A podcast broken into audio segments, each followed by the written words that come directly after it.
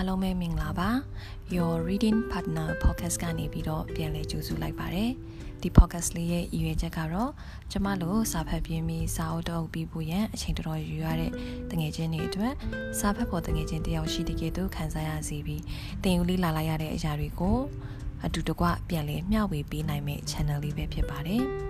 ဒီနေ့မှာတော့ကျမတို့ကြိုတင်ကြီးညာထားတဲ့အတိုင်း Seize the Day ဆိုတဲ့ဆီယမ Joyce Meyer ရဲ့စာအုပ်ကလေးကိုမျှဝေပေးသွားမှာပဲဖြစ်ပါတယ်။ဒီစာအုပ်ထဲမှာဆိုရင်ကိုယ့်ရဲ့တနေ့တာကိုကိုကိုယ်တိုင်ဘယ်လိုစီမံခန့်ခွဲမလဲ။တကယ်ပဲ productive ဖြစ်တဲ့နေ့ရက်တရက်ရအောင်ဘယ်အရာတွေကိုရှောင်ရှားပြီးဘယ်အရာတွေကိုပြင်ဆင်ရမလဲဆိုတဲ့အကြောင်းအရာတွေကိုဆွေးနွေးဖော်ပြထားပါတယ်။ တခါတလေကြရင်ကျမတို့တွေကဘာလုပ်ရမလဲဆိုပြီးတော့ပြင်ဆင်နေနေပဲအချိန်တွေကုန်သွားတတ်ပါတယ်။ဘဝမှာလူတိုင်းကဘဝတစ်ခုကိုသာပိုင်ဆိုင်ရတဲ့အတွက်ကြောင့်မလို့ကိုပိုင်ဆိုင်တဲ့ဘဝကမှန်ကန်တဲ့လမ်းကြောင်းပေါ်မှာရှိမနေဘူးဆိုရင်တော့ပြောင်းလဲဖို့ရန်အတွက်အခုနားဆင်နေတဲ့အချိန်ကအကောင်းဆုံးပဲဖြစ်မှာပါ။ပြောင်းလဲဖို့ရန်အတွက်ခြေလမ်းမလန်းမပြင်ဆင်ရင်တော့နောက်တစ်ချိန်မှာနောက်လာရစရာတွေဖြစ်လာမှာလို့ပြောပြထားပါတယ်။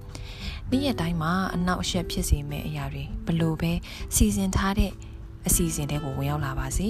ကျမတို့ရဲ့နေရတရက်အပေါ်မှာဘာလုပ်ရမယ်ဆိုတဲ့တိကျတဲ့ရည်ရွယ်ချက်ရှိထားရင်တော့ကိုလုပ်ရမယ့်အရာတွေကိုအဟံအတားဖြစ်စေတဲ့အရာတွေရောကြစေမှာပါကျမတို့ဘေးပတ်ဝန်းကျင်မှာရုတ်တရက်ဖြစ်ပေါ်လာတဲ့အရာတွေကိုကျမတို့အနေနဲ့စီစစ်ရွေးချယ်လို့မရပါပဲကျမတို့ဘယ်လိုဖြေရှင်းမလဲဘယ်လိုတုံ့ပြန်မလဲဆိုတာကိုတော့ရွေးချယ်လို့ရပါတယ် အကယ်လို့ကိုယ့်ရဲ့အနာဂတ်ကိုရှေ့ဆက်ဖို့ရန်အတွက်အတိတ်ကအရာတွေကဟန့်တားနေတယ်ဆိုရင်တော့မှသင်ကထို့အတိတ်ကိုဘယ်လိုမျိုးအတိတ်ပဲနဲ့ဖွင့်မလဲဘယ်လိုတုံ့ပြန်မလဲဘယ်လိုခံယူမလဲဆိုတာကရွေးချယ်လို့ရပါသေးတယ်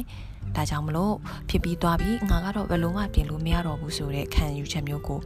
မထားသင့်ပါဘူး။သင်ကအခုတည်တဲ့အချိန်မှာရွေးချယ်မှုပြန်လဲလှုပ်ဆောင်နိုင်တဲ့အရာတွေရှိပါသေးတယ်။ကျမတို့ကကောင်းမွန်တဲ့အမှုကျွင့်တွေတိဆောက်ခြင်းနဲ့အတိတ်ပဲရှိတဲ့နေ့ရက်တွေကိုပိုင်ဆိုင်ခြင်းနဲ့ဆိုရင်လည်းအသက်ရှင်တဲ့ဖခင်ကိုယုံကြည်ပြီးတော့ပင်ရတော်တွေကိုလိုက်နာတတ်ဖို့ရန်အတွက်လိုပါမယ်။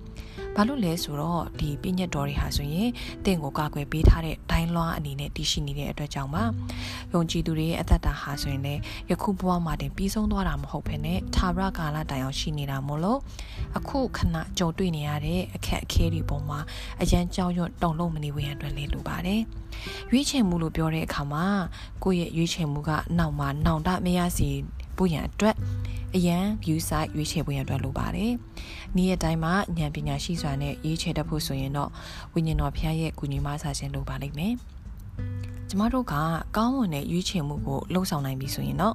ဒီနေ့ရက်မှာကိုလုပ်ရမယ့်ရည်ရွယ်ချက်အလှုပ်ပေါ်မှာပြီးမြောက်အောင်လုပ်ဖို့ရန်အတွက်လိုပါတယ်။နေ့ရက်တရက်ကိုကိုကိုတိုင်ကစီမံဖို့ဆိုရင်အချိန်ကလည်းအရေးကြီးပြန်ပါတယ်။အချိန်အနေနဲ့အချိန်ခါပေါ်မူတည်ပြီးတော့ဘယ်အချိန်မှာလှုပ်ရှားရမယ်ဘယ်အချိန်မှာညင်နေတင်လဲဆိုတာကိုရွေးချယ်ရပါမယ်။အကယ်လို့ဒီနေ့တာပြီးဆုံးဖို့ရန်သတ်မှတ်ထားတဲ့အရာတွေက ဒီနေ့တစ်နေ့လုံးမှာမပြီးခဲ့ဘူးဆိုရင်တော့မှပြီးခဲ့တဲ့အရာတွေကိုပြန်လဲကြည့်ပြီးတော့ပြန်လေရေးတွက်ပြီးဂုံဖြူဖို့ရန်အတွက်လည်းမမေ့ပါနဲ့အဲ့ဒီလိုမိမိကိုယ်ကိုဂုံပြူတတ်ခြင်းဟာ positive energy တွေကိုဖြစ်ပေါ်စေပါတယ်။သို့ပေမဲ့အကျိုးရှိစွာအချိန်တွေကိုအသုံးပြုဖို့ရန်အတွက်တော့အရေးကြီးပါတယ်။တနေ့တာဦးစားပေးအစီအစဉ်တွေရေးဆွဲတဲ့အခါမှာလည်းအရေးကြီးဆုံးကိုအရင်ဆုံးနံပါတ်1နေရာမှာထားပြီးတော့ပြင်ဆင်ပေးပါ။ကိုလှုပ်ဆောင်နေတဲ့အခါမှာလည်းအရေးပေါ်အရေးကြီးကိစ္စမှာအပ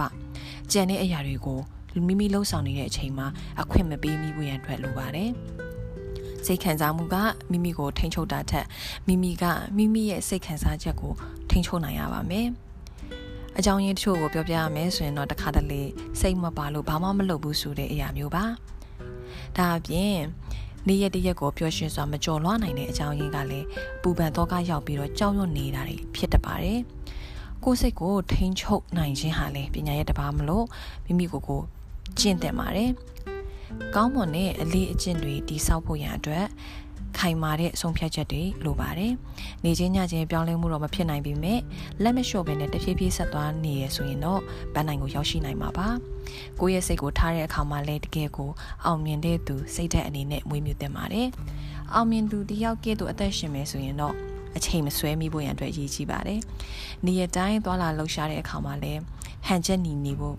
သတိပြုရပါမယ်။ဘလောက်ပဲကောင်းတဲ့အရာတွေဖြစ်ပါစေအရန်ကိုလုံးမိသွားပြီး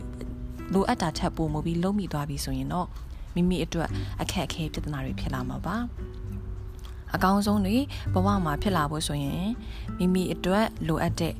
ပန်းတိုင်းအစီအစဉ်စိတ်ဆုံးဖြတ်ချက်နဲ့စီမံမှုတွေကိုတေချာပြင်ဆင်ထားရပါမယ်။ဒါကြောင့်မလို့နေရတိုင်းမှာတေးသေးလေးအနှင်းငယ်လေးသာရွေးနေပါ။အချိန်ကြာလာတဲ့အခါမှာတော့ကြီးမားတဲ့အရွေကိုမြင်ရမှာဖြစ်ပါတယ်။အချုပ်အားဖြင့်ပြောရမယ်ဆိုရင်တော့ဘလို့ပဲခြေလန်းလန်းကပုံမှန်လှုပ်ဆောင်တဲ့အခါမှာတော့ကောင်းမွန်တဲ့အဆုံးသက်ကိုတွေ့မြင်ရပါပါ။တကယ်လှုပ်ဆောင်ခြင်းမရှိဘဲနဲ့မျောပဲမျောလေးနေမယ်ဆိုရင်တော့ဘာမှဖြစ်လာမှာမဟုတ်ဘူးဆိုတဲ့လက်တွေ့သဘောကိုလည်းပြောပြသွားပါတယ်။ကိုကိုတိုင်းကကိုဘွားကိုမဦးဆောင်မှုဆိုရင်တစုံတအူဒါမှမဟုတ်တစုံတစ်ယောက်ရဲ့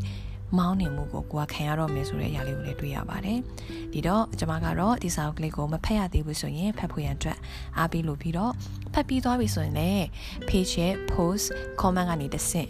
တင်ယူလိုက်ရတဲ့အရာတွေကိုပြန်လည်မျှဝေပေးဖို့ရန်အတွက်ဖိတ်ခေါ်လိုပါတယ်။နောက်ဘက်တွေမှာလည်းစိတ်ဝင်စားဖို့ကောင်းတဲ့စာအုပ်လေးတွေကိုမျှဝေပေးသွားမှာမလို့ like and follow လုပ်ထားဖို့ရန်အတွက်လည်းဖိတ်ခေါ်လိုက်ပါတယ်။အားလုံးပဲပျော်ရွှင်ပွဲရကောင်းတဲ့နေ့လေးကိုပိုင်ဆိုင်နိုင်ကြပါစေ။